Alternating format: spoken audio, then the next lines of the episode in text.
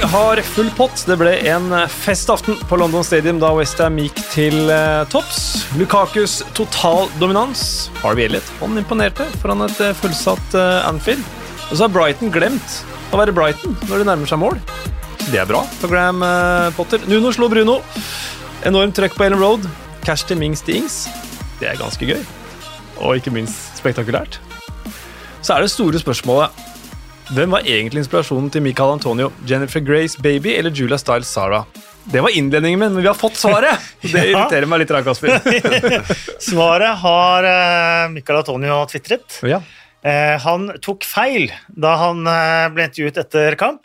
Han sa det var Save the Last Dance, for det er ikke noe løft i Save the Last Dance. Jo, det er det der, for jeg har gjort research. Oh, ja, det er men- et lite løft etter at, Julia, etter at Sarah gjør sin audition på slutten, så kommer vennen hennes og løfter, løfter henne opp litt. Så, det Så du er så to hele filmer du i går kveld bare for å få svar på dette her? Nei, Jeg satt og googla Save the Last Dance, Lift og alt Ja. mulig sånt. det. Men det var Dirty Dancing som var eh, Dancing, svaret. Ja. ja.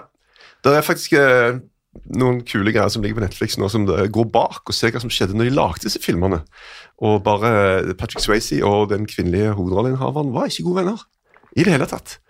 Så, eh, men det ble en bra film uansett. Men var ikke dette egentlig også Anders Jacobsen har jo tatt eh, det samme, samme løftet. Anders Jacobsen og Johan Remen Evensen, er det de to, mon tro? Som har også vært gjennom den eh, scenen. Så kanskje faktisk er inspirasjonen da til Michael Antonio, siden han blanda. Vi lover det blir ingen løft i studio her i dag. Nei, det gjør det ikke. Men rart at ingen som intervjua han, spurte om å bli løfta han. Det hadde blitt en veldig fin ting. Ja, nå satt jo, det vi så, de satt jo i Sky-studio Ja, et annet sant, sted. faktisk. Det var kanskje litt praktisk Ja. vanskelig. Ja, men det var et intervju etterpå, om det var fra Premier League Productions eller det lå ute på BBC. Da forklarte han jo, da skjønte man jo at det var Baby, altså det, yeah. Dirty Dancing, for han sa puts baby in the corner. Nettopp. For han hadde, de hadde snakka om feiringen, hvordan skal jeg feire at jeg blir tidenes Premier League-toppskårer. Det er jo veldig bra, Kasper. Uh, også for Westham. Uh, og eh, da hadde de begynt å snakke om det. og Han, skulle, han ville alltid være baby. Han ønska seg å være baby, men han er veier 94 kilo, så han skjønte at ingen kommer til å klare å løfte meg. Så jeg får løfte meg sjøl. så det var forklaringen okay. til Men vi må bare begynne der, da. Westham Leicester eh, 4-1. Uh, Fornals Benrama To ganger Antonio Jori Tilemanns. Eh, London Stadium har fått mye pepper fra både egne og andre fans for dårlig atmosfære, men i går var det ingenting å utsette på noe som helst. Nei, det var, eh, var kanskje ikke det. Det hørtes i hvert fall veldig bra ut på, på TV, definitivt. Eh, Blowing Bubbles, som har en eh, fantastisk eh, pessimistisk eh, tekst. Eh, Fortunes always hiding. I've been looking everywhere. um, så, eh, men i går så fant de jo litt uh, skattkiste, og det ser jo utrolig bra ut. Jeg ser Payet-sammenligningene med Ben Rama og, Antonio som scorer, og uh, Zuzek Declan Rice bør være et av de beste midtbaneduoene i ligaen. Eh, får de Kurt Zuma nå kanskje en spiss, så, så har de jo et lag som virkelig kan, eh, kan overraske mange. Og ikke minst oss. Ikke mye snakk internt i TV 2 om at vi har tippa Westham så langt nede. Du sa tiendeplass eller et eller annet sånt. Nei, nei så, sånn, øh, jeg misforsto jo! at, Husker du ikke det? Jeg, mis Ja. jeg misforsto på tabelltipset. ja, ja, det var, det var så mye rør på det tipset vårt. Men øh, jeg, jeg, skal være, jeg skal stå fram og si at jeg må tro at jeg var ganske sikker på at denne sesongen skulle bli en nedtur for ja, Westham, men og det, kan det fortsatt jo bli. fortsatt bli. Har Absolutt. Vi har spilt to kamper. Ja, men La oss ikke snakke om Eh, Westham nedtur nå. Nei, nei, nei, nei, jeg skal ikke det. Jeg bare sier at det sa jeg, og det, det kan skje. Eh, og det er så rart at eh, eh, man må si det man tror, og noen Ja. ganger så tar man feil av det man tror, eh, uten at man eh, Men da har de altså uh, Palace og Southampton de to neste. Og det er jo, så tenker vi sånn, for at med, med en menneskelig svakhet at du tror det som har skjedd, kommer til å fortsette å skje videre. Sant? Så vi tror jo ja, men nå har de vunnet to, kommer de til å vinne de to neste òg. Og det, det, jeg vet ikke engang om det er en sannsynlig overvekt om at de kommer til å vinne de to, to neste kampene. Det tror jeg faktisk ikke det er. Eh, men det ser i hvert fall fantastisk ut, og altså, den stadion har jo vært i en sånn tidsmaskin. For de gikk ut av stadion forrige gang, denne gjengen, til de kom inn nå. Så er det jo akkurat som hele verden har blitt snudd om. Altså Nå har de jo et dritbra lag, en populær manager. og eh, altså Et lag som er så sabla bra balansert, og at det, kan egentlig ikke se at de har så mange svakheter. De kommer til å bli plukka fra hverandre, de òg, på noen tidspunkt denne sesongen. Men, men dette er jo et Westham-lag som vi kan forstå at fansen er sabla glad i. Altså. Og så har du Antonio, da, som ikke bare er Han er en, en kul fyr, eh, i tillegg til å være en god spiller. og, og, og Sånne ting tror jeg òg betyr noe for fans. Se på Jack Grealish. Han er pigelig så populær. Hvorfor er han det, da? Jo, men For at alle syns han er litt sånn lad. En fyr du kan sitte med på puben, liksom. En du kan identifisere deg med. Og Du trenger noen sånne. altså. Michael Antonio er den kuleste spilleren i Premier League. Det kan vi slå fast sånn på eh, personlighetsmessig. Eh, så er han det. Han leverer de beste intervjuene. Han sier Det, det som er med han, eh, forskjell til mange andre, så er det eh, Du ser intervjuer DeMarie Gray, for eksempel, som scora på Ellen Road. Andre som svarer standard når de får, eh, får, får spørsmålet. Så tror jeg Når de tenker seg 50, bare hvorfor nøyte jeg ikke dette her mer? Hvorfor sugde jeg ikke til meg? Hvorfor maksa jeg ikke de opplevelsene her nå? Michael Antonio gjør det. Michael Antonio, du ser at dette her, dette her kommer til å gå forbi på et eller annet tidspunkt. Nå er jeg på toppen. Nå skal jeg bare nyte dette her maks, hvor fantastisk dette her er. Og bare go with the flow og si akkurat det jeg mener, og være akkurat sånn som jeg er, for å ha det på best mulig måte. Det, det hyller jeg. Og han er også en som man f.eks. kan møte på toget etter kamp. Eh, blant vanlige folk og, og sånne ting. Så nei, for meg så er han eh, nummer én på eh, person i Premier League av Premier League-spillere. 49 mål, det er det han har nå i Premier League-sammenheng. Og det er flere enn Paolo Di Canio, og det er eh, veldig, veldig imponerende. Det er veldig imponerende. Og det, er- bare for en forlengelse av det, da, så får han et spørsmål eh, om uh, i Sky Sports Studio om han kan bli toppskårer. Ja, ja, ja, klart jeg kan bli toppskårer. Selvfølgelig kan jeg det. Og uh, hva skal du bruke tida til nå? Nei, nå skal jeg bøtte inn mål, sånn at ingen kan ta meg igjen. Og Nettopp, jeg jeg nyter, jeg svart- elsker dette her. Ja, liksom. andre ville svart bare sånn Ja, jeg er bare glad for å kunne gi et par mål til laget, og hvor mange jeg skårer er uvesentlig, og jeg setter meg ikke mål, og ja, men, men jeg mener at men det er dritbra at Antonio er så bra, men vi kan ikke klandre de andre for at de svarer ræva, egentlig. For at, vet du hva? Eh, for det første så er det ikke alle som er født til å stå og ikke. svare, og det andre så er de de er så redd for å bli tatt på et Ja, eller annet. Og vet du hvorfor de er redd for å bli tatt? For de har sett så mange andre bli tatt på ting. Absolutt. Ting som blir tatt ut av sammenheng, vridd rundt på. Sant? Så de er fucking scared. De bare sier nei, jeg skal ikke si noen ting som helst. Jeg har ikke klandra noen. Jeg bare sier at uh, han makser de opplevelsene han Ja, opplever nå, og det er helt fantastisk. Fantastisk var ikke um, aften til uh, Leicester. uh, ble jo selvfølgelig prega av matchen av det røde kortet, hvor uh, både Rogers og Schmeichel snakker om at det er, altså Schmeichel sier at det er elementærfysikk, at han blir dytta. Derfor så blir det så stygt. Det er jo også Perez sin utvisning. Oliver står og ser på det. Ingenting, og så var, og så blir han Mm. utvist. Men det ser jo sånn som Schmeichel sier også, det ser forferdelig ut når du ser det i slow motion. Ja, det gjør det. Og i real time så, så du sier dommeren står og ser rett på. Han gjør ingenting. For det er, og det er litt urettferdig av og til når vi kjører stillbilder og slår det ned, og ser det grusomt ut. Men jeg mener at ok, dette er likevel en utvisning da. Han setter foten såpass langt ut til venstre, og det gjør han for å prøve å beskytte ballen, men det å sette han rett på foten til Fornals, da. Så nei, det er en synd for Perez, for at, eh, det er ikke tilsikta, men han må betale prisen for det han gjør uansett. Akkurat Apropos postmatch-intervjuer, så syns jeg Kasper Schmerkel makes 100 sense. Hvis det er lov å, å si hans forklaring på hva som skjedde. Eh, den stemmer, Ja, eh, men det er rødt kort. ja og det det, det. det skjønner han jo. Og det skjønner han òg. Mm. Uh, Leicester mangla Fofana, Westergård, Evans, Justin og Bertrand. Det er fem ganske gode forsvarsspillere, så noe av forklaringen ligger kanskje der. Jeg skjønner ikke hvorfor ikke Kastanj spiller stopper eh, sammen med Soyuncu. Det, det syns jeg er rart. Han var stopper i Genk i sin tid. Må jeg nesten si sammen med Amartey her, for det var Sørensen Ja, som var ja, men det, han ville jo ikke starte. Du fikk til og med en tweet på lufta, du. Og jeg det. Og det var et stolt øyeblikk. Oi, oi, oi. Oi, oi, oi. Er det EM, Soyuncu, som har kommet tilbake til PL? Sa han med et lite smil. Jeg tror det er ingen av de eh, klubbene som har uh, tyrkiske EM-spillere i stedet som håper at det er EM-versjonene som kommer tilbake. På ingen måte. Men eh, et lite mm, Et symmetrisk poeng med Saeed Ben Rama, som Oskar Rosnes kom med. To kamper, to mål, to assist, drakt nummer 22. En symmetri som ryker neste gang, men eh, fin. Det var litt Bill Edgar over den. Ja, det var det. var det. Vi eh, Et annet eh, altså det var Og ingen av assistene eller målene kom i 22. minutt. Vet vi det? Nei, det har jeg ikke sjekka. Det burde jeg selvfølgelig ha gjort.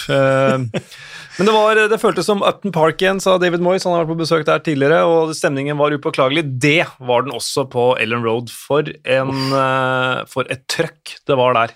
Selv om det blei 2-2, så var det, så det var fullt kok fra hjemmepublikummet hele veien. Uh, Leeds Everton 2-2, altså. Altså, når, når folk scorer nå, så det, det er ikke noe poeng å se på de som scorer. De bare løfte blikket og se på Ja. publikum bak. Det som er show.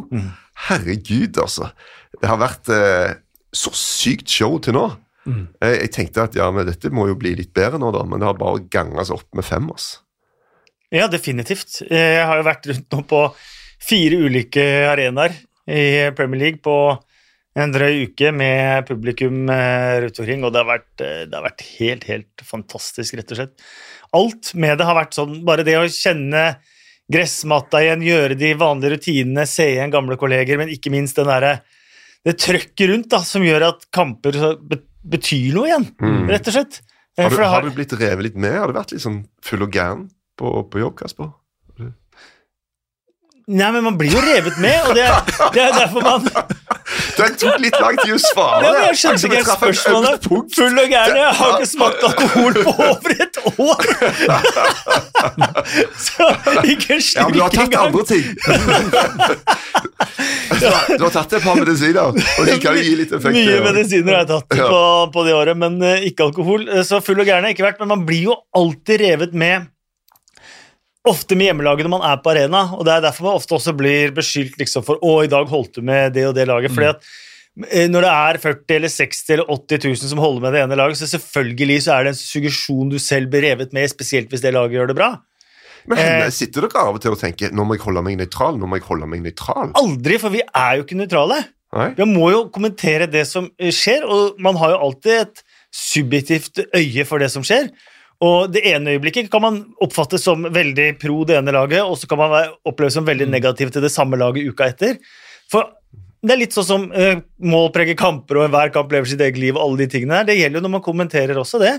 Og man eh, formidler jo en kamp sånn som man ser det der og da, og ingen i hele verden har jo objektive øyne. Ja, svar på det. Sug på den. Ja. Sutter på den karamellen. Ja. Men du vender aldri ryggen til ditt kjære Norwich. Nei. jo, men skal jeg Jo, si, Vi kommer dit, vi kommer dit. vi kommer skal jeg si deg faktisk en ting akkurat det? Er at da det var leserinnlegg i VG fortsatt, eh, som ikke er så lenge siden, si det i VG.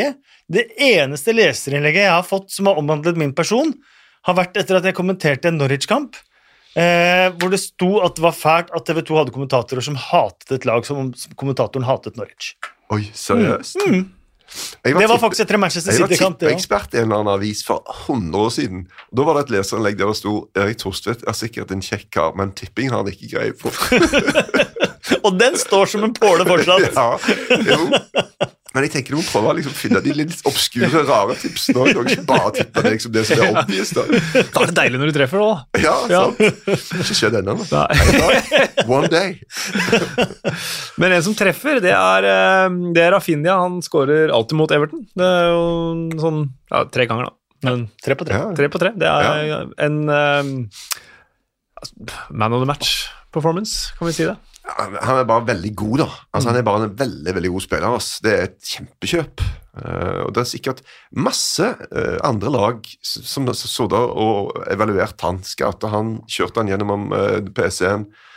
Og mange som sitter og tenker på hvorfor gjorde vi ikke noe der. Altså. Ja, eller kjøpte feil Rafinha. Husker vi satt på Ja. deadline det i fjor. Bare, Hvilken Rafinha er egentlig dette her? For det er sånn Ja. 500 Rafinhaer Det er der. mange Rafinhaer. Ja, er Ja, men de kjøpte en veldig bra Rafinha. Men han er den beste. av dem. Rafinha med PH, er det ikke så mange? Nei, det er vel bare han. Eh, Eller, det skal jeg ikke si. det kan godt være flere. Men han var i hvert fall fryktelig, fryktelig god. Um, så, men det ble 2-2 også. Det, Everton, nei, Leeds kom tilbake to ganger etter at Everton hadde tatt ledelsen, naturligvis da.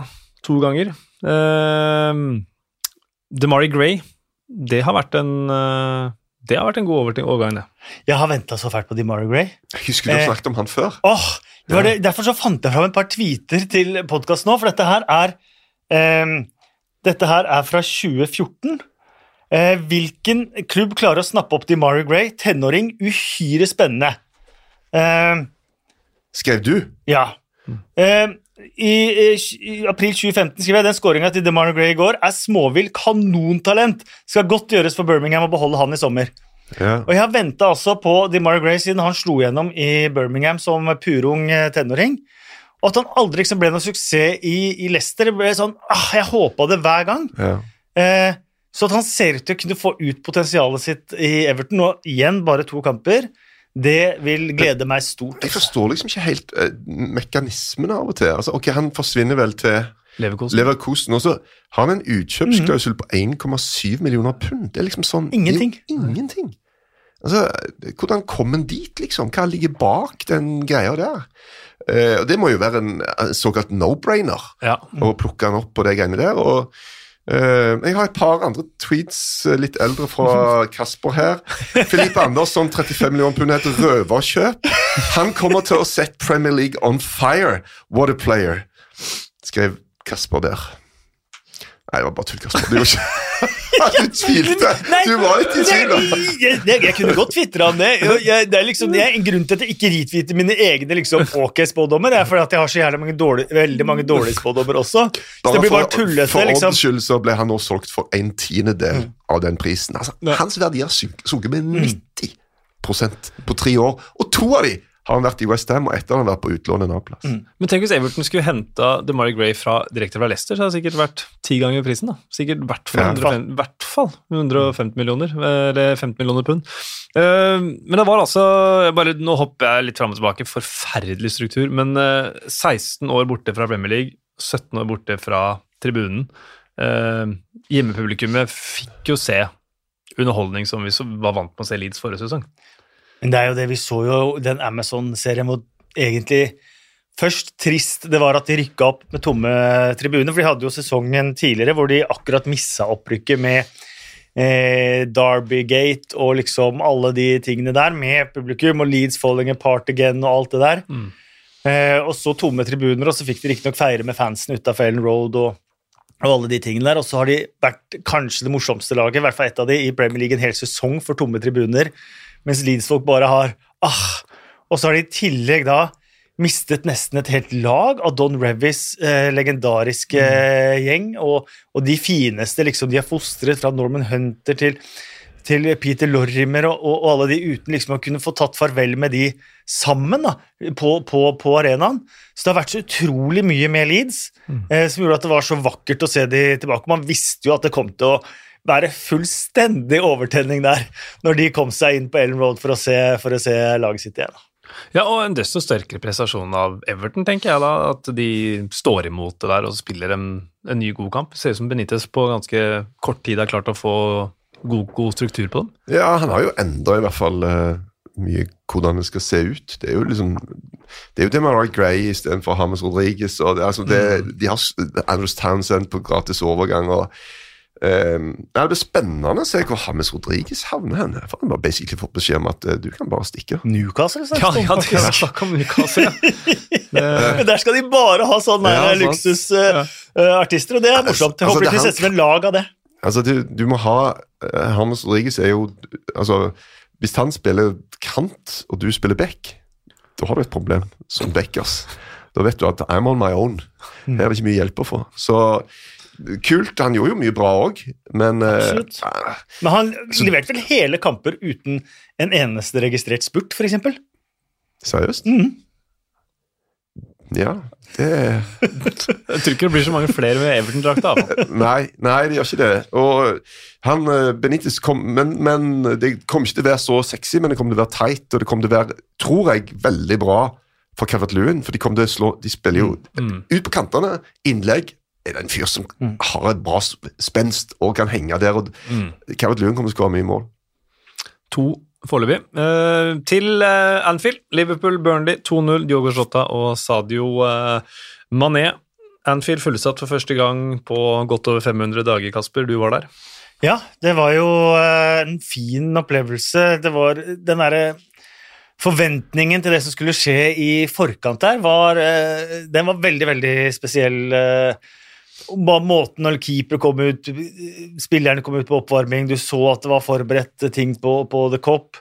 Eh, Det skulle veldig lite til for å bare fyre opp hele stadion eh, før kamp. og eh, så de også har jo ikke fått hedret verken Ray Clemens eller, eller andre som har gått bort mens de har, eh, har vært eh, mens, de mens de har vært borte. Og så Eh, det 97. offeret fra, fra Hillsborough-tragedien eh, har jo gått eh, bort også ganske, eh, ganske nylig, så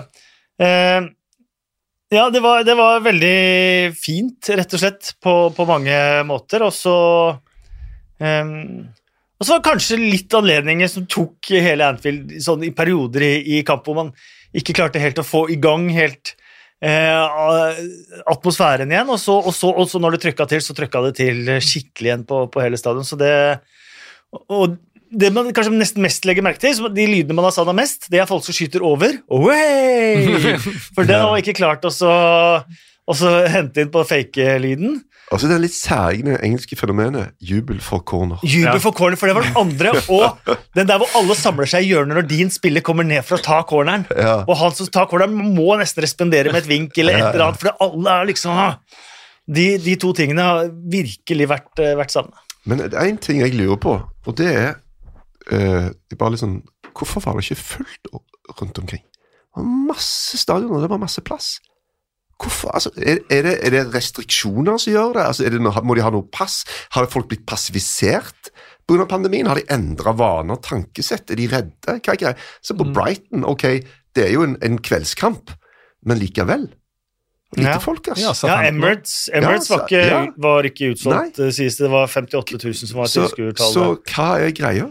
Um, det er ikke godt å si. De skulle jo ha noen plasser nederst skulle være tomme. Mm. Det er det sagt som en slags sikkerhetssone nederst mot banen og sånne ting, men, men også ellers òg. Og det, det forundrer meg veldig. Jeg skulle tro at folk var jo helt totalt sultefòra og ville bare hive seg over en sånn anledning. Og så, Men det er jo, jeg tror ikke det er bare Jeg tror ikke det er bare lett å kjøpe billetter i en Premier League-kamp sånn ut av det blå heller, og at det må ligge Nei. litt i planene og, og sånn, og kanskje, kanskje er det lettere enn man tror også.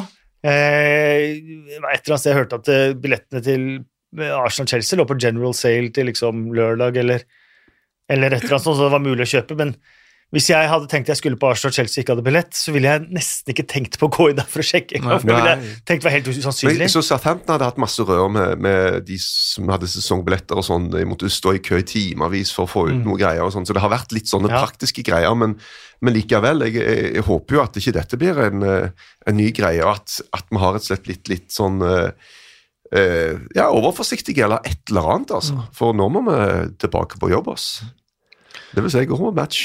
Men det er jo det som er litt skummelt med dette her, og TV-selskap og, og andre har jo sett at det faktisk går an å selge Premier League og fotball uten tilskuere på tribunen.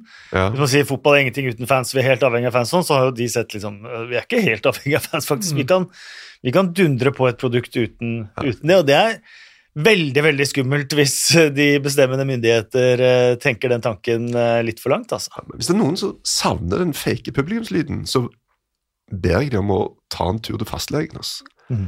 For det, det, jeg var så glad av å Kvitt denne sabla vøringsfossen ja. som går i bakgrunnen der hele veien. Herregud. Åh, Det neste blir fake kommentatorlyd. Ja, det kan, det kan kanskje fungere òg. Men vi må bare ta noen ord om kampen nå, da. Liverpool-Burnley. Uh, Harvey Elliot med imponerende debut fra start. Mm. Uh, en av de som utmerket seg. går jo veldig eh, mye skryt av han, da. For du har, liksom, du har store talenter, og så har du store talenter. Og han er jo rent for hver aller øverste hylle. og Han virker sånn synes jeg da, Disse ungguttene som kommer inn og liksom dribler, eh, og sånt, de er ofte litt sånn skjøre, men han virker, sånn, han virker ganske robust. da. Ja. Sånn som han tåler en trøkk. Og, Han var robust da han var 15. Han debuterte altså for Fulham da han var 15 år, altså. ja. Så Og så skåra sju mål forrige sesong og fikk første- og tredjeplass på årets målkåringa til Blackburn. Og hadde vanvittig med målgivende også. Ja. Sånn én sesong i championship hvor du starter brorparten av kampene, det er jo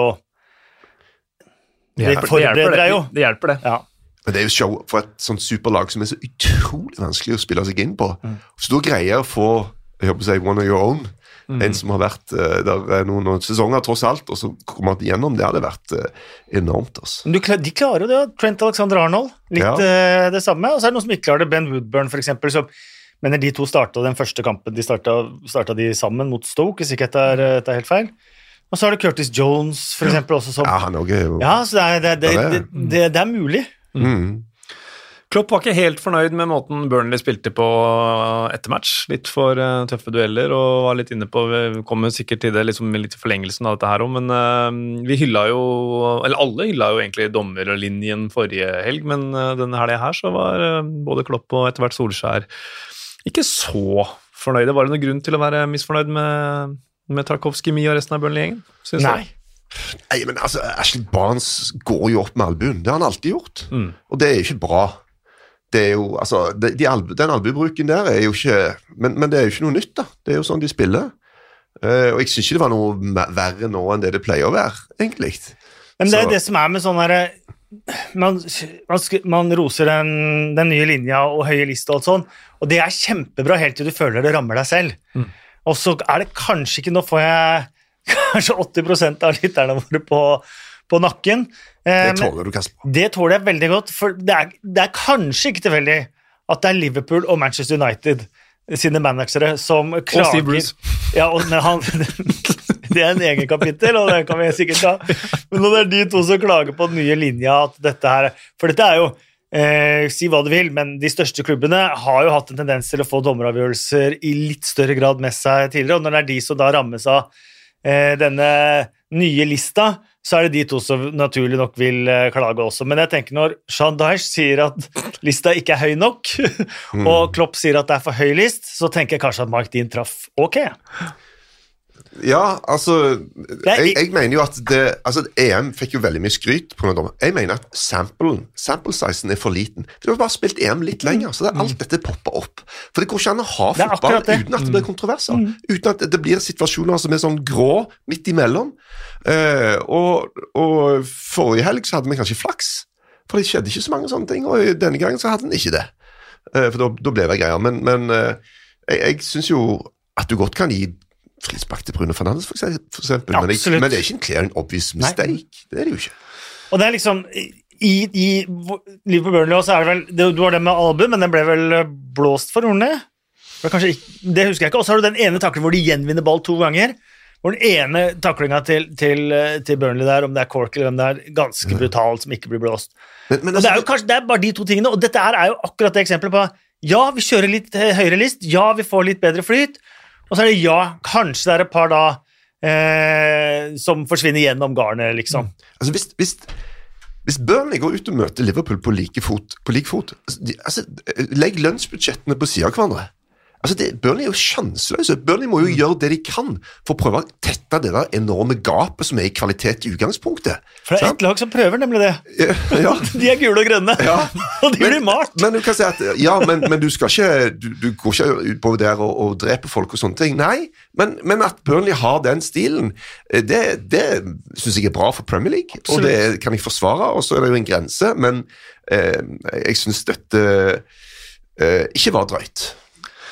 En ting som i hvert fall er vedvarende linje opp eller ned, det er Sean Dyche. Han er seg sjøl lik. Han sa han jo etterpå at han ikke skulle snakke om det straffesparket de ikke fikk, og brukte hele postmatch-intervjuet på å snakke om det likevel. Og sa at han håper at det jevner seg ut for Burnley at de får noen straffespark, men de har ikke gjort det på seks år, så Men det var jo ikke straffespark til Burnley.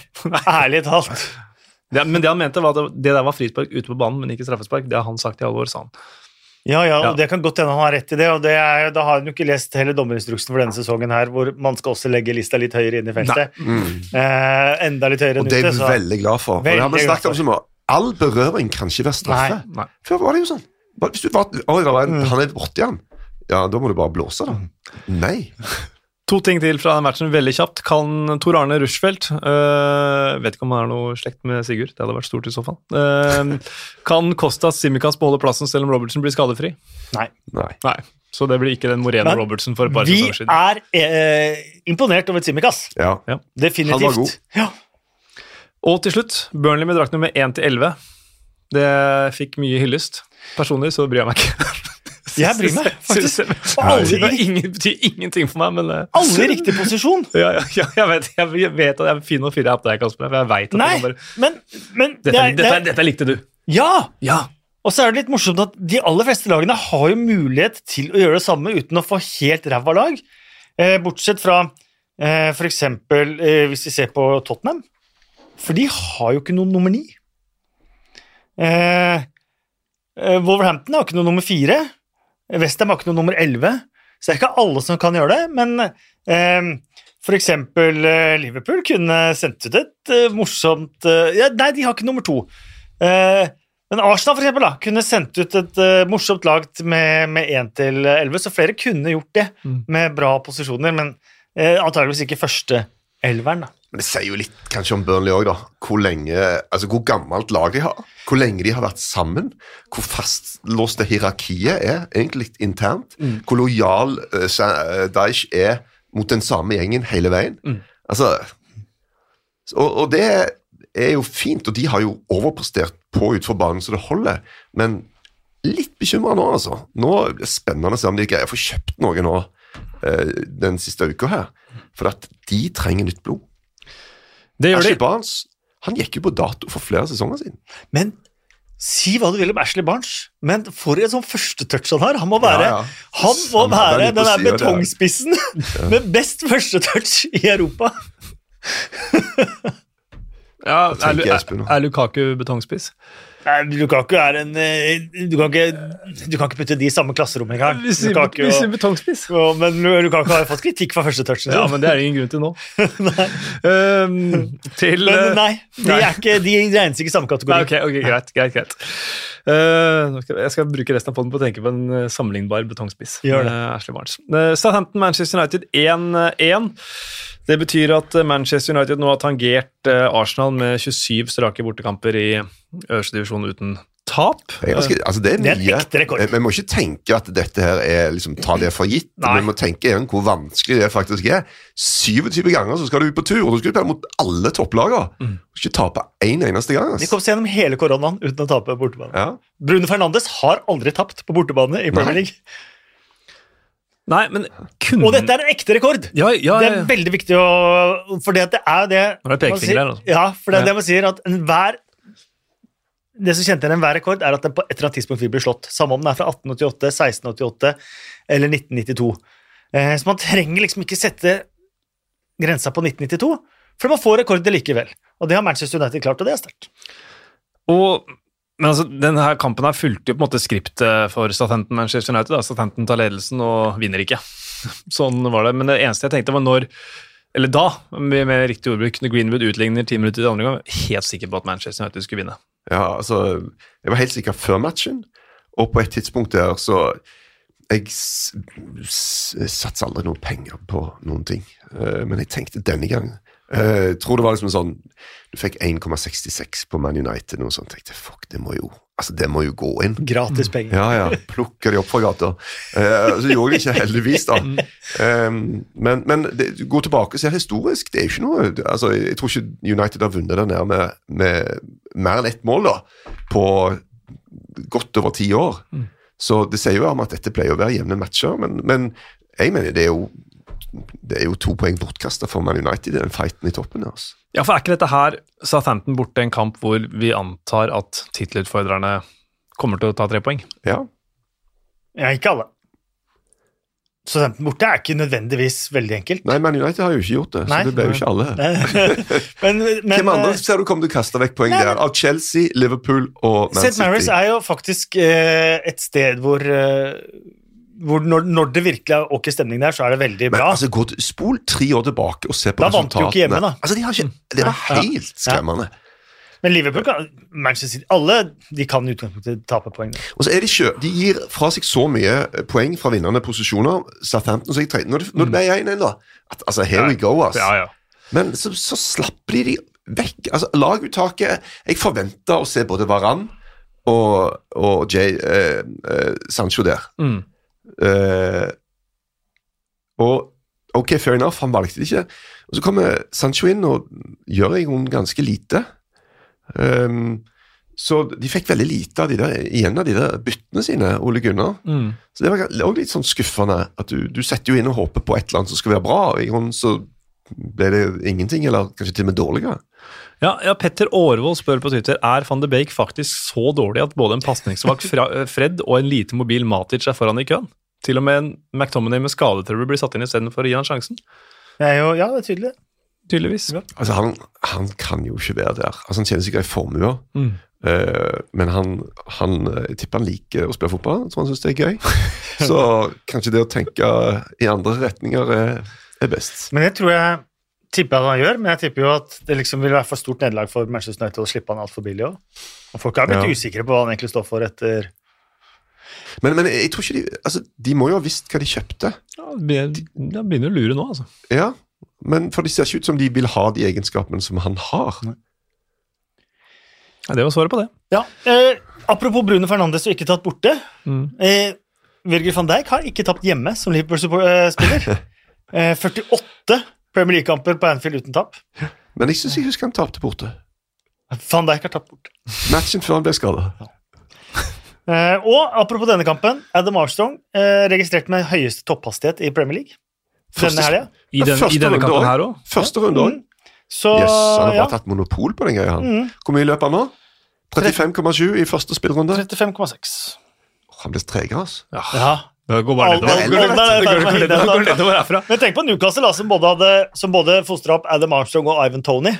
Som de har gitt Ja. eh, videre for, eh, for change, som de kunne hatt på toppen. Og nå har de en god spiss i Callum Wilson, riktignok. Men, Ja. eh, men uh, likevel. Og så, ellers så var det interessant å se Carragher og Gary Neville på Monday Night Football uh, sammenligne de tre første årene med Solskjær og Klopp, hvor de er så å si helt identiske. Eh, Klopp hadde 1,89 poeng per kamp. Eh, Solskjær 1,86. Eh, 54 mot 53% i vinnerprosent. Eh, ingen trofeer, men to tapte finaler. Så de er nesten helt like etter de tre første årene Klopp og Solskjær. Den store store forskjellen er jo penger brukt, da. Ja. Der knuser jo Solskjær Klopp, men eh, en Hva er det Kurios sammenligning. Men de er, men de er fortsatt en, en sterk kandidat til tittelen, Det definitivt. Ja. Jeg, jeg vil bli veldig veldig forundra hvis noe lag, inkludert Westham, greier å blande seg med de eh, beste fire der. Mm. Og Tottenham, som også har vunnet et par matcher her. Så de, de, er, de virker å være jeg mener, i særklasse mye bedre enn de andre. Altså. Mm. Bare for å ta, uh, underbygge ditt poeng i stad statistisk, Erik, så har altså Southampton mistet 62 poeng etter å ha leda under Hasenhyttel. Det er, uh, Ja. det er ganske mange. Altså. Setter seg i nøtta, vet du. Here we go again. Han sa- han sa det Nå var du veldig sinnis. Ja. Ja, men Han sa det jo i intervjuet etterpå også, bare ah, vi har ikke vært spesielt gode i andre omganger, så vi gjorde Ja. noen endringer. De spilte med tre bak og fikk demma opp og kunne jo tatt det på slutten også. Så kanskje det er håp, selv om det er likevel er, sånn er noen mørke skyer uh, i horisonten for Southampton, frykter jeg. Selv om Men- Ward men- Prowse men var De har jo greid å bytte, altså Hæ? få inn en Ings erstatning, da, som Mm. jeg mener er, bra. Han er en god spiller. Um, men så er det et par andre ting. Maud Prowse skrev en ny kontrakt, det er jo også for så vidt positivt. Mm. Uh, jeg Tino Livramento, da? ja, han var jo god. Ja, Skulle jeg henta meg Beck, så ville jeg gått til eh, U23-laget til Chelsea. altså. ja. Ja. Der kommer det noen. Reece James, Tariq Lamptey, Tino Livramento. Fader som de Skal du hente hva bekker? som helst, skal du gå til akademiet til Chelsea. Ja, faktisk. men altså, Ja, ja. Jeg har liksom forberedt litt i sesongen, gikk gjennom staller, nye folk rundt omkring. Altså, Det er altså så mye Chelsea-folk. Mm. Det er helt insane. altså. i alle staller. Så Ja. å si. Så, men de har gjort det til en industri, da. Mm. Ja. Og raska til seg og samla opp og, og prøve å tjene penger på det. hvis du skal se den store forskjellen da, på Arsenal og Chelsea sånn sett, da, så sitter jo Arsenal nå vil, og har forsterka laget, 130 millioner pund eller hva de har brukt, men de klarer jo ikke få penger fordi de vil ha ut. Mens Chelsea de har jo tjent nesten 100 millioner pund, og det gjør de nesten hvert, hvert Mm. år, eh, på å kvitte seg med spillere de, eh, de ikke vil ha, eller. Spillere de har utvikla som de ikke får bruk for. Mm. Eh, og på den måten der får du seg et enormt konkurransefortrinn mot eh, f.eks. Arsenal. Ja, altså, altså kan jo Chelsea da De kan jo fint med den økonomien de har, sende folk av gårde og kjøpe dem tilbake for en milliard. Det, Ja, det gjorde kan de de. ja. Eh, Lukaku eh, i eh, sitt comeback gjorde sitt første mål for Chelsea. Det tok vel 14-15 minutter. Reece James med 2-0. Det betød seier det til Chelsea. Det som på papiret var storkampen, men sånn som Arsenal fremstår om dagen, så er det jo ikke det tabellmessig, men uh, i likhet med på Anfield så var du på Emirates, uh, Kasper. Hvordan uh, var den opplevelsen? Første 10-15 minuttene helt tror aldri var god, ass. Ja, men jeg tror jeg aldri opplevde atmosfæren på Emirates heller.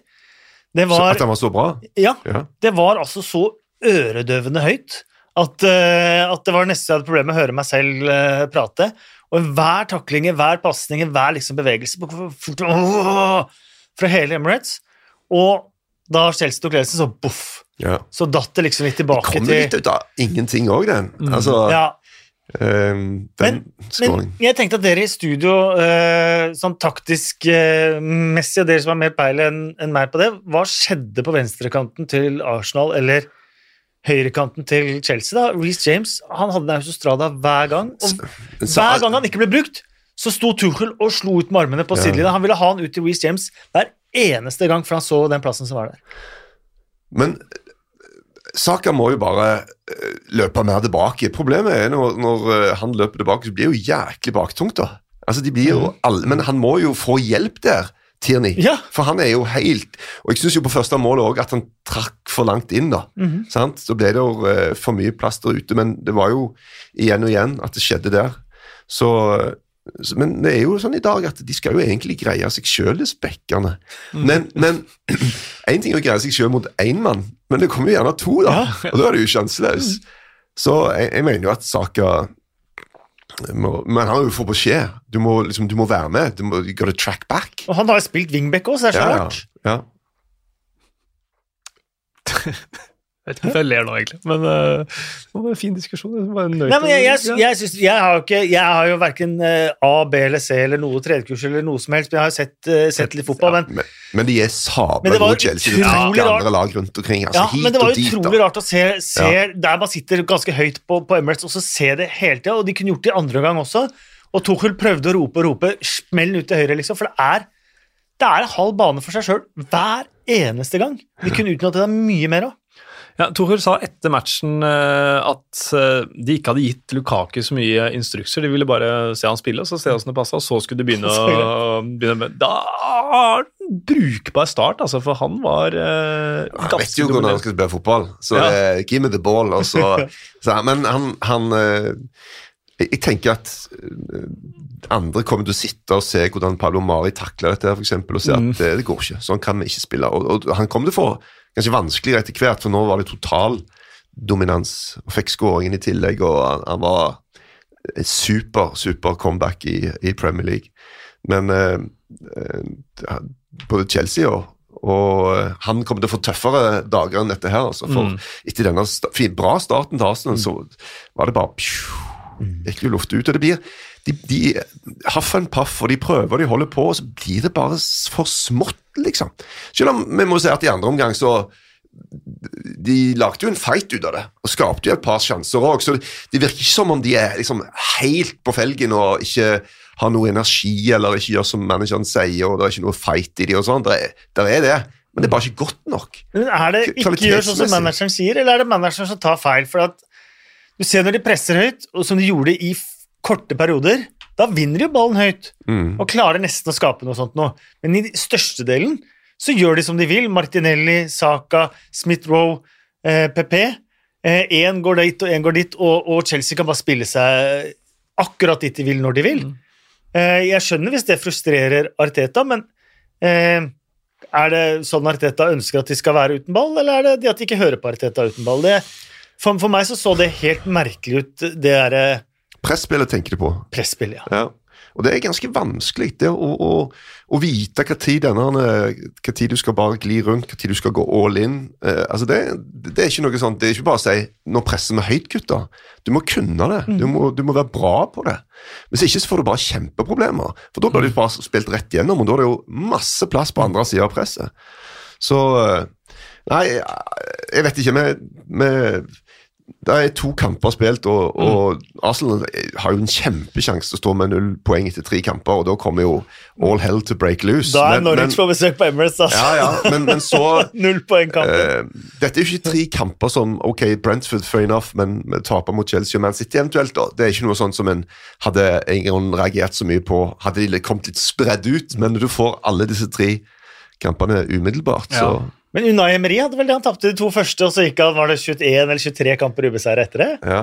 da han var nytilsatt. Ja, De har Norwich og Burnley, og så kommer Tottenham på besøk. Det er liksom de tre kampene etter Manchester City for Arsenal. Er det Burnley altså. borte òg? Det er Men- helt riktig. Det verste for Arsenal nå er jo at det er ikke bare Manchester City borte. Det er West Bromwich borte eh, i ligacupen. West Bromwich blir altså trent av en eh, mann som heter Valrien Ismael. De spiller en meget fysisk eh, fremoverrettet eh, god fotball. Han tok Barnsley fra eh, centimeter fra nedrykk til playoff forrige sesong på å spille den type fotball. Han har startet meget bra med West Bromwich. Slått Sheffield United 4-0. Ja, Arsenal har ikke vært i andre runde i ligacupen på over 20 år. De er der kun fordi at de ikke er i Europa denne sesongen. Eh, og det er ikke sånn at de kan stille et B-lag og vinne på Hawthorns. Altså. Ja, de kan, men de, Eh, kan, de må stille et B-lag, antakeligvis. fordi de, altså, de, de, har ikke så mange, for det er veldig mye Det skal sies, da. Bare avbryt så at jeg avbryter deg. At eh, til et lite forsvar for Arsenal, så har de veldig mye folk ute med covid og skader. De har vært veldig uheldige med det, men sånn er det jo. Og de spillerne de har her, det er jo spillere som Alle de elleve som starta for uh, Arsenal, er spillere som de mener skal bidra på A-laget i løpet av denne sesongen. Så det er ikke, det er ikke helt mørkt, men ja, ni mann Det blir mange ute. på en gang, da. Det gjør det, og Arteta var veldig på det etter kampen, og Ingrid intervjua jo Arteta eh, og spurte om Martin Ødegaard eh, og hva han tror han kan komme med, og fikk ikke ordentlig svar på det engang. Så, så muggen var, var Arteta etterpå. Altså, eneste han sa, var at han ville ha sine ni spillere tilbake. Ja. eh, så Så skal Martin inn da mot, uh, mot Man City, i hvert fall. Jeg vet ikke om han kommer inn mot West Brom, men mot Man City sannsynligvis. Og det Mm. kan også bli en eh, Det kan bli en tung opplevelse, det òg. Altså. Ja, så, ja, så det er fem, seks, sju eh, veldig veldig skumle dager for eh, Arteta. Og det presset det begynner å øke på ordentlig for Arteta òg nå. Eh, Nord-London-naboene til eh, Arsenal, Tottenham, de har fått en kjempefin start ja. under Nuno Spirito Santo. 1-0-seier på Molyneux. Nuno hjemme igjen, eller tilbake igjen der han har gjort, seg, gjort til sitt hjem, og Kane tilbake. Mm. Um, Det var jo litt sånn Ja, faktisk litt overraskende, syns jeg.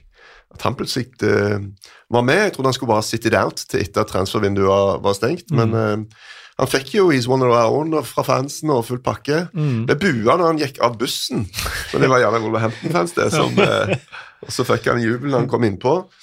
Så um, det var en, en en kamp som vi må si faktisk at jeg altså Wolverhampton er jo det nye Brighton, tydeligvis. Ja. Spiller bra uten å skåre mål. Så de, det, det var jo de som dominerte kampen. Så jeg er litt sånn usikker på om Tottenham-greier. Nå er det jo ingenting å si. Du kan to seire, seks poeng, strålende. Men eh, måten de spiller på, er litt annerledes.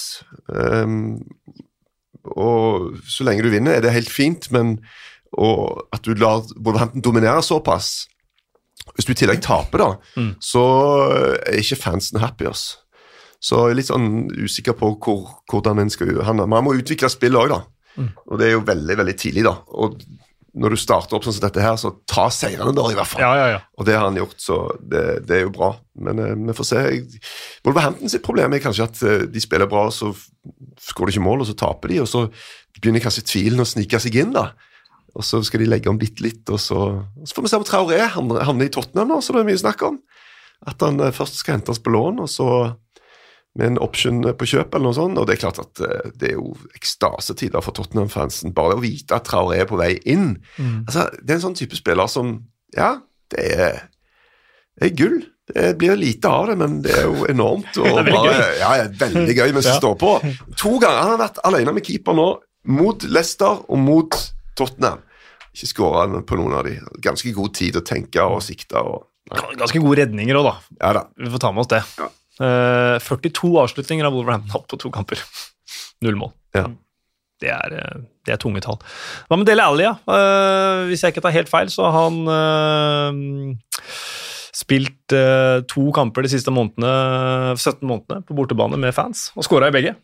Men dette sa jeg på den podkasten før sesongen med deg og Thomas Aune, at Del Dele Alli var one to watch denne sesongen. At han kunne få en skikkelig renessanse med Mourinho ut og Nuno Espirito Santo, ikke minst, som er en virker man er utrolig flink med mennesker. Eh, og flink til å få det beste ut av uh, sine medmennesker og, og spillere og sånt noe. Og det tror jeg passer Dele Alli 100% perfekt. For han er et medmenneske.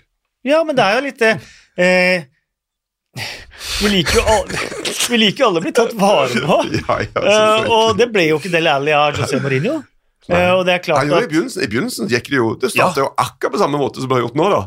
Han, Deli Alli var jo fantastisk i begynnelsen. med Jo, jo, men, så, men så har jo den Amazon-serien og alt også vist oss Den dynamikken den var kanskje ikke den Nei. veldig, veldig heldig. Så, så jeg tror at uh, dette er veldig godt for uh, Dale Alli, og jeg tror han blomstrer fotballspiller og er tilbake på landslaget også etter hvert. Han kom seg i hvert fall inn i boksen nå, for det gjorde han ikke mot City. Han var jo en annen type spiller. Han var jo en sånn, altså Det er sånn som vi kjenner Dale Alli, er jo de derne sene løpene inn og, og få avslutta og sånt. Og, og eh, mot eh, Man City var bare ei bikkje.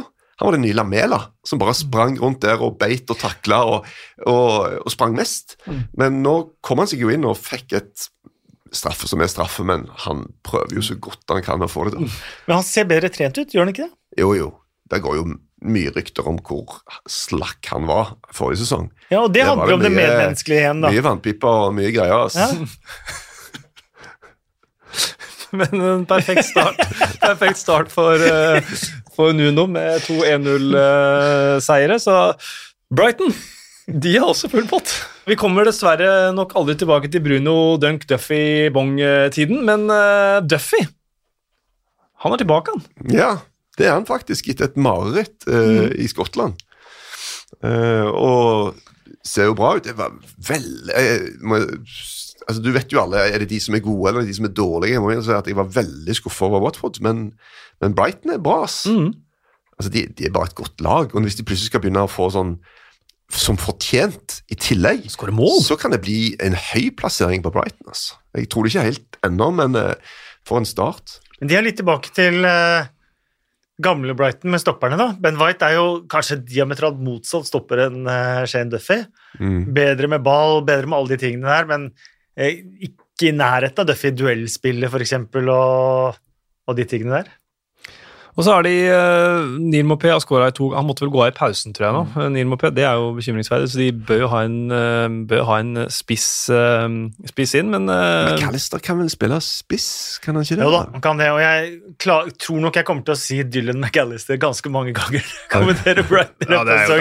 Jeg klarer ikke å tenke noe annet enn Dylan McAllister, Nei. for de som husker han. Eh, Jeg har gått på den samme minen sjøl. Kommer helt sikkert til å gjøre det i um, Igjen Watford. De må lære seg Premier League så fort som mulig, var uh, mulig, var beskjed fra Cisco Munoz. De fikk en kjempestart, men uh, ned på jorda igjen uh, her. Bra innhopp av Joshua King, da. ja, det får Det var bra òg med tanke på landslag og sånne ting. Altså. Ja. Var litt redd jeg for at han var litt for langt ned i, på, på, Ja. i rekkefølgen, men kommer inn var siste 25, var det ikke det? Jo, han er ikke langt ned i rekkefølgen heller. Han er jo en proven Premier League-spiss og skårer mål, selv om Erik har hatt null tro på det i alle år. Så ler han. Men det har jeg satt null tro på. Nei, jeg bare Når jeg husker sier han, Sjansen for at han skåra 15, er jo ja, jeg ikke bare så stor. husker det veddemålet. Hadde dere et faktisk veddemål òg? Ikke han, jeg hadde, men han var ikke med på det. Nei, ok. Eh, Men uansett så tror jeg det er akkurat derfor han er hentet, fordi at han skal være den Premier League-spissen som, som de ønsker seg, og det tror jeg nok Sisko sier vi skal lære oss Premier League, så, så er det nok definitivt Joshua King med i de tankene. Mm. Det er jeg helt sikker på. Ikke helt, jeg er ganske sikker på. Jeg tror vi har to kamper igjen nå. Uh, Aston Villa Newcastle den kommer jo først og fremst til å huskes for det som skjedde to minutter på overtid i første omgang. Cash. Mings. Ings. Ja. Ja, Det må jo være en kommentators våte drøm det, å få servert noe sånt. Ja, er det ikke Du har I Southampton har du Stuart Armstrong Og Adam Arnstrong og Che og Che Adam, så uh, der har Ja. du, kan du ha en enda bedre, men ja.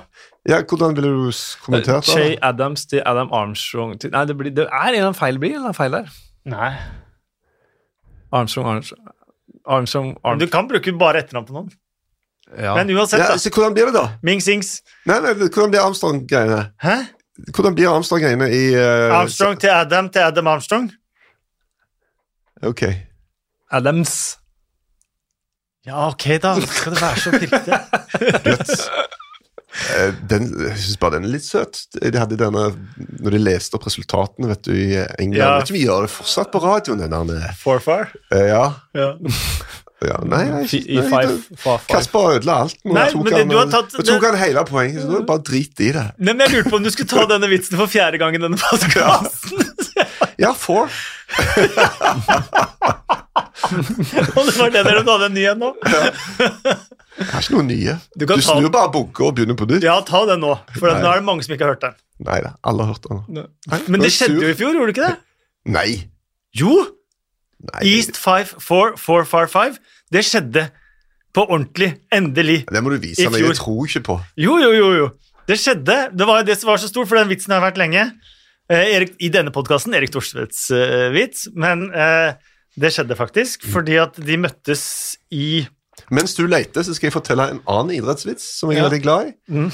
Det var den uh, store kunstgress mot gress-diskusjonen, og en amerikansk fotballspiller ble spurt uh, What do you prefer, grass or astroturf? Så sa han I don't know, I never smoked astroturf.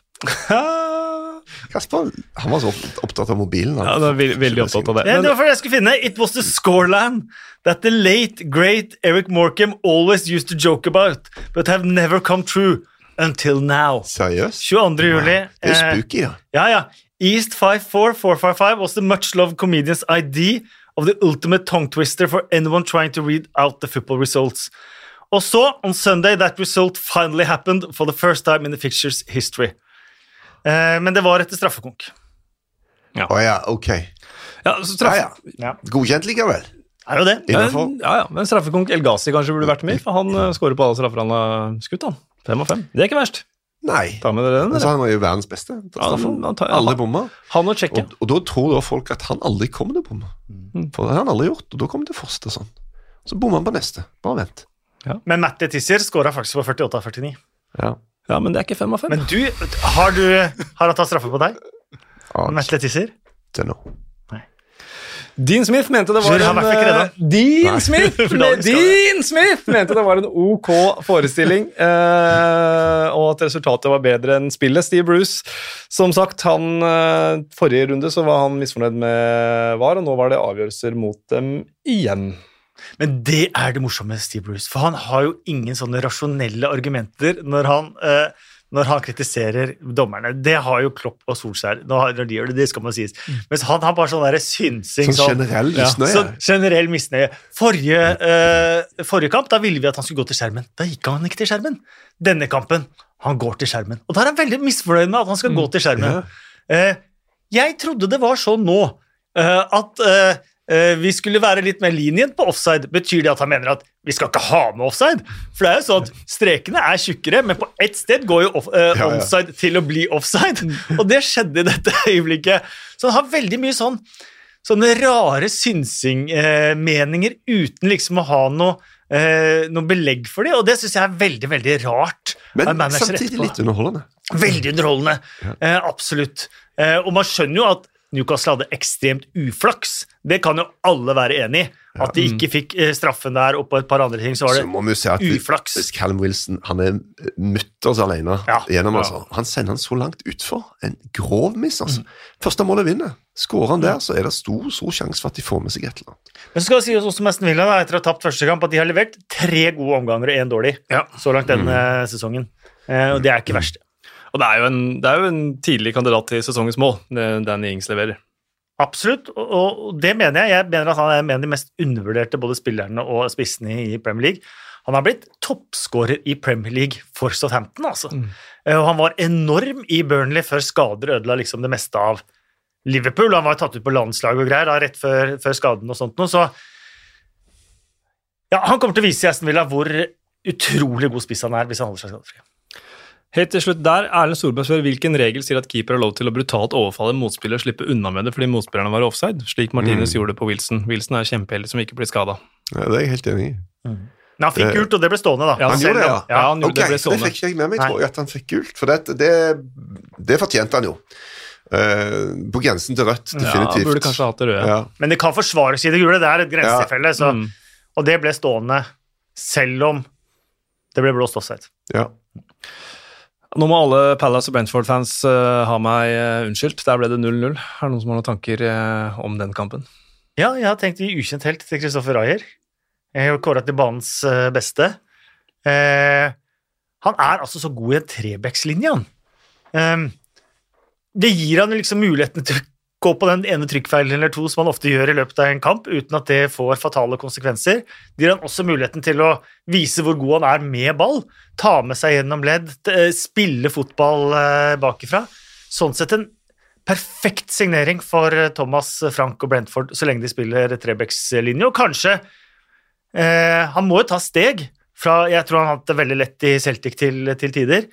Så han må jo ta steg i Premier League, og det tror jeg kan gagne han, Brentford og landslaget enormt. For jeg tror han også kommer til å bli mye bedre å spille i et stoppepar også, når han eh, spiller i Premier League uke inn og uke ut, som han gjør nå.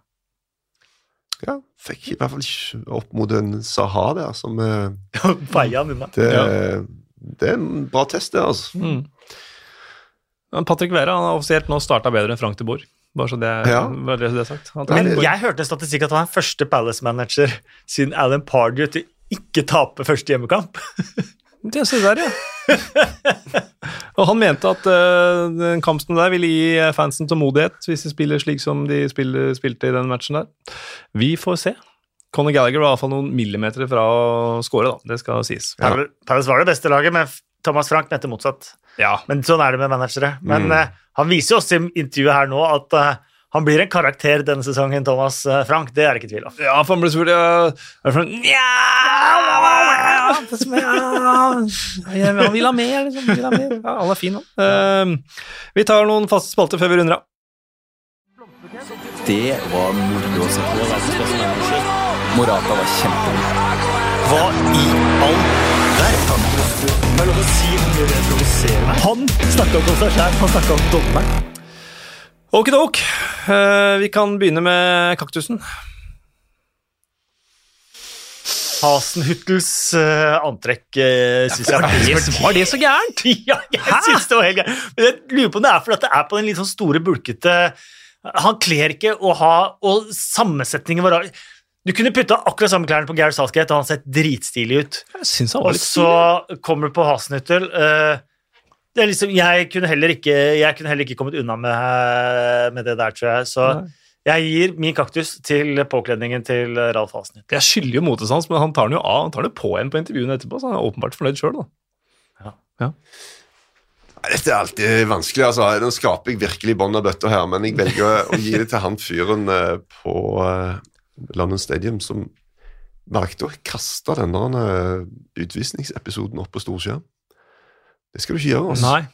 Det, det der er det, Jeg mener det er altså det er oppbildene til hatsk følelser mot uh, Ja. uh, eh, eh, han spilleren her fra, Ayose fra Leicester. Perez, ja. Perez. Mm. Eh, Ayose.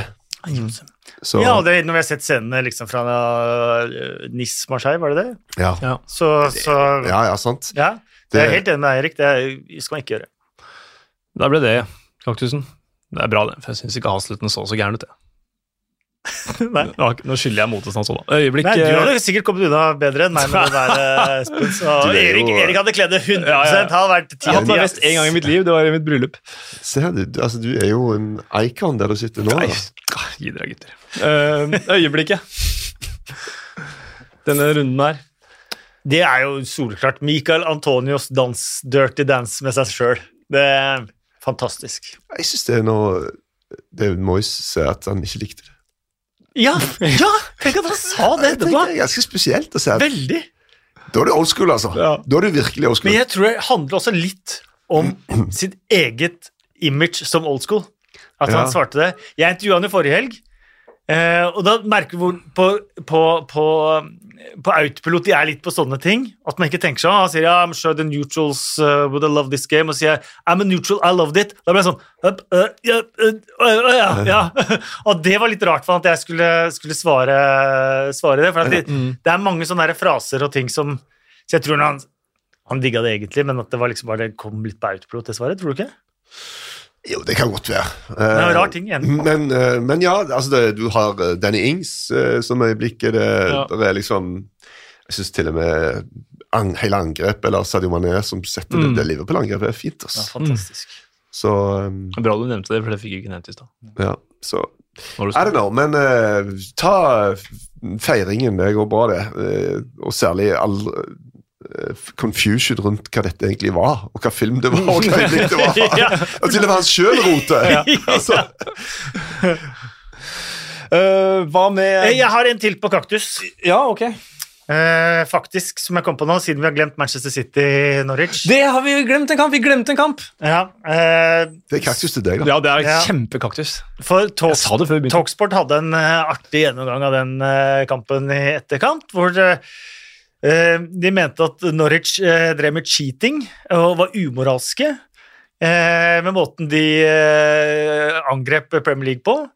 Eh, det var, eh, essensen var vel at eh, eh, de rykker ned med alle Premier League-pengene, eh, herjer i championship, men ikke bruker de pengene som skal til for å, for å være gode nok til å konkurrere i, i Premier League, og bare gå rett ned igjen, og så skal de herje i championship for Premier League-penger igjen. Og at det var eh, liksom brudd på liksom moral og, og, og, og det man forventer av lag i Premier League. Um, og ja, Det er jo en artig, artig inngang. artig Det er cheating. Ja. Eh, det er en artig inngang, men Og jeg skjønner jo på mange måter hva han mener, men samtidig, så når du har den eneste klubben som er liksom 100 self-sustained i eh, Premier League Det er ikke én eier, det er ingen som kan komme inn og betale lønningene annet enn de pengene man tjener selv, og man prøver da å ikke ende opp som Sunderland eller Portsmouth eller Hei, hei, hei. enda verre Bolton og Bury, liksom. Og så skal man bli beskyldt for å jukse! Det, det syns jeg er Det syns jeg var en eh, Og de har vel brukt fem ganger mer penger denne sommeren enn de gjorde sist? ekstremt mye mer penger. Og det, han sa jo det, sportsdirektøren sist, at, eh, at eh, de gikk i krigen uten å gi Daniel Farke våpen, at det var dumt. Men det man ser at de ryker på, er jo løn, ja, det, det de kan tilby lønninger til spillere hver gang. da. Når man ser de spillerne de har, de har missa på, på å få, alt fra Adam Armstrong til eh, det sies jo Joshua King til andre, liksom. Eh, fordi at de ligger, har et lønnsbudsjett som, er, som ikke kan sammenlignes med noen av de andre klubbene. da. Eh, så, men det er visst å jukse. Det var bra du kom inn på den, fordi det er selvfølgelig kaktus som er for å glemme Manchester City Norwich. At du kan glemme det når du sitter der, til og med. Eh, Regjerende mestere. 5-0 slo de i Norwich. Det var vel oppskriftsmessig, får vi nesten si, sånn resultatmessig. Eh, Og Definitivt. Enkleste kampen de kommer til å få denne sesongen, og det lå i kortene på forhånd også. Ja, og Gabriel Jesus skåra ikke, men han fikk det meste av hyllesten av Guardiola etterpå. Fortjent. Ja, og gjør vel kanskje enda rarere at han ikke starta forrige match. Men ok, de har masse folk å ta av, men, eh, men det, var, bra- det må være bra for han òg. Hvis han ikke hadde fått starta her heller, så hadde det vært sånn eh, altså, Nå klikker det der vinduet gjennom ei uke, la meg se om jeg kan komme meg vekk herfra. Altså, for det går litt på, det går litt på sånn selvfølelse og stolthet òg, da. Du liker jo å bli satt pris på, føler deg som et medmenneske, som Kasper ville sagt det. Eh, så ja, når du føler deg sånn, litt sånn pissa på, så er det ikke bra. Nei. Men det ble jo Norwich, apropos. Ja. Å ja! Oh, ja! Uh, det starter liksom Første bortekamp eh, i Premier League sist, det var, det var Grant Hanley som slangen slang i 1-0 til Liverpool. Nå var det Grant Hanley som prøvde det samme etter sju minutter. I denne kampen den gang slang han hardt i brystkassa på Tim Krul for et artig selvmål. eh, selvmål Og han hadde så- gått utfor, eller? Er vi enige med det? Det ble i hvert fall gitt Det ble til Tim til Krul, ja. Krul. ja. Så, øh, men, men det er jo akkurat der, da. Det, det som er, og det som er grunnen også til at Norwich på sisteplass på mitt tabelltips, er jo akkurat det at de, de dominerte nesten alle kampene i Championship forrige sesong. De hadde over 60% ballinnehav i snitt på de 46 kampene. Og de kommer opp til Premier League og skal spille på den måten. Og de aller fleste lagene de møter i Premier League, klarer de ikke altså å dominere ballen og dominere ballinnhavet og skape de målsjansene på. Eh, og de har ikke den andre strengen å spille på, som f.eks. Brentford og Watford, da, som de rykket opp eh, sammen med, som har en eh, ja, mer tilpasningsdyktig stil da, til å spille mot lag som i utgangspunktet er bedre enn dem. da.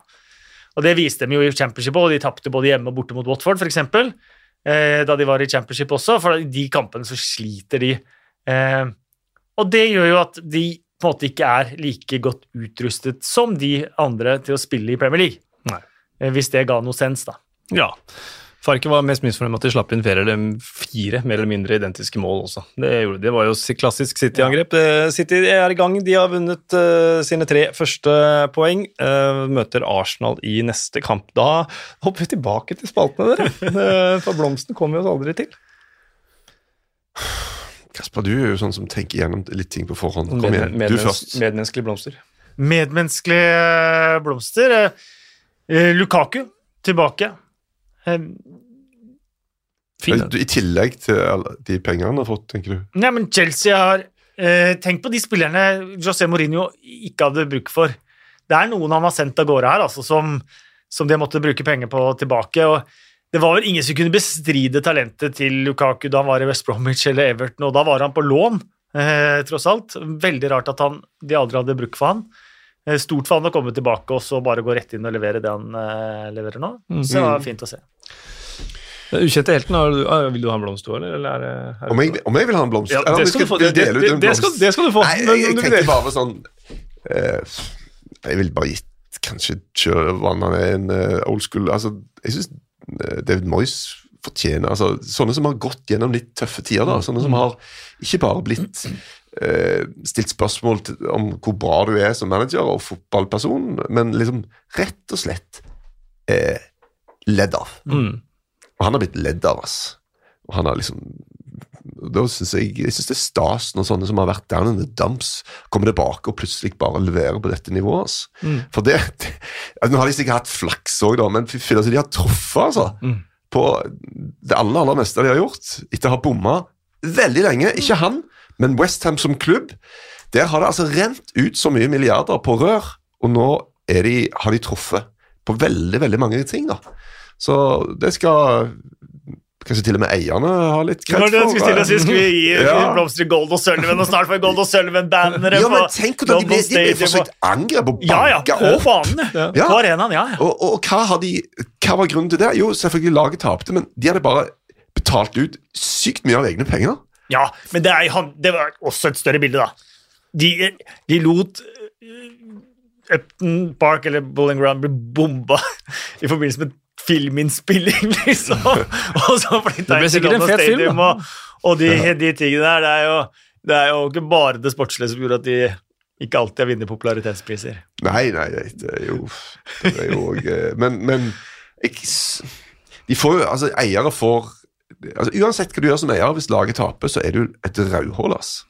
Men BBC har jo hatt en sånn artig serie med sønn Jack, som har fått ansvaret for kvinnelaget. Eh, og vært sportsdirektør liksom i kvinnelaget til Westham. Og uh, ung gutt, men uh, virkelig jobba livet av seg. Og med Sønnen til Jack, til, til, til Ja. David Sullivan, ja. Jack Sullivan. Jeg har sett uh, hans hus i London. altså, interiøret der er relativt mye gull, Det er du mye si. gull. veldig mye gull.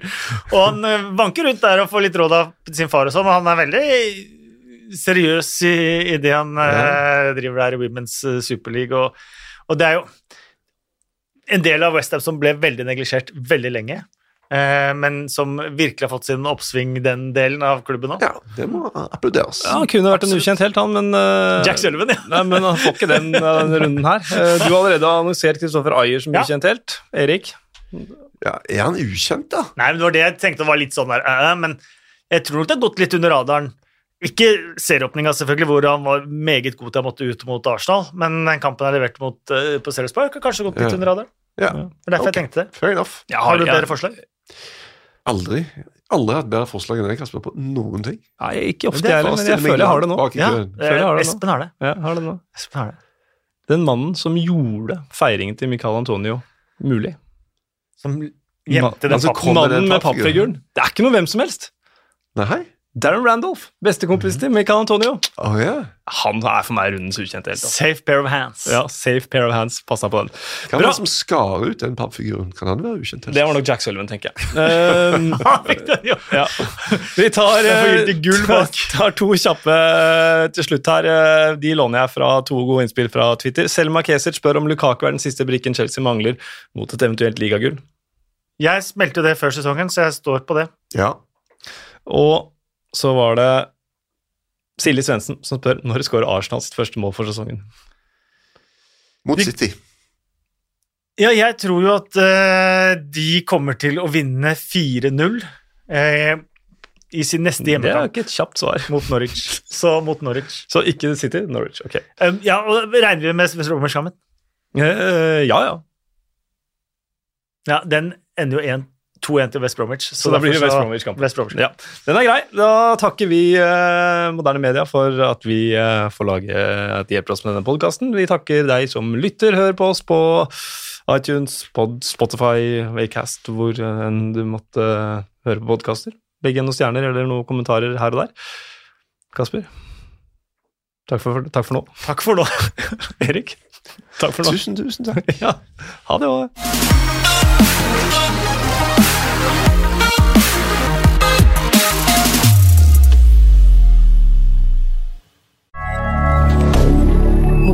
Moderne media.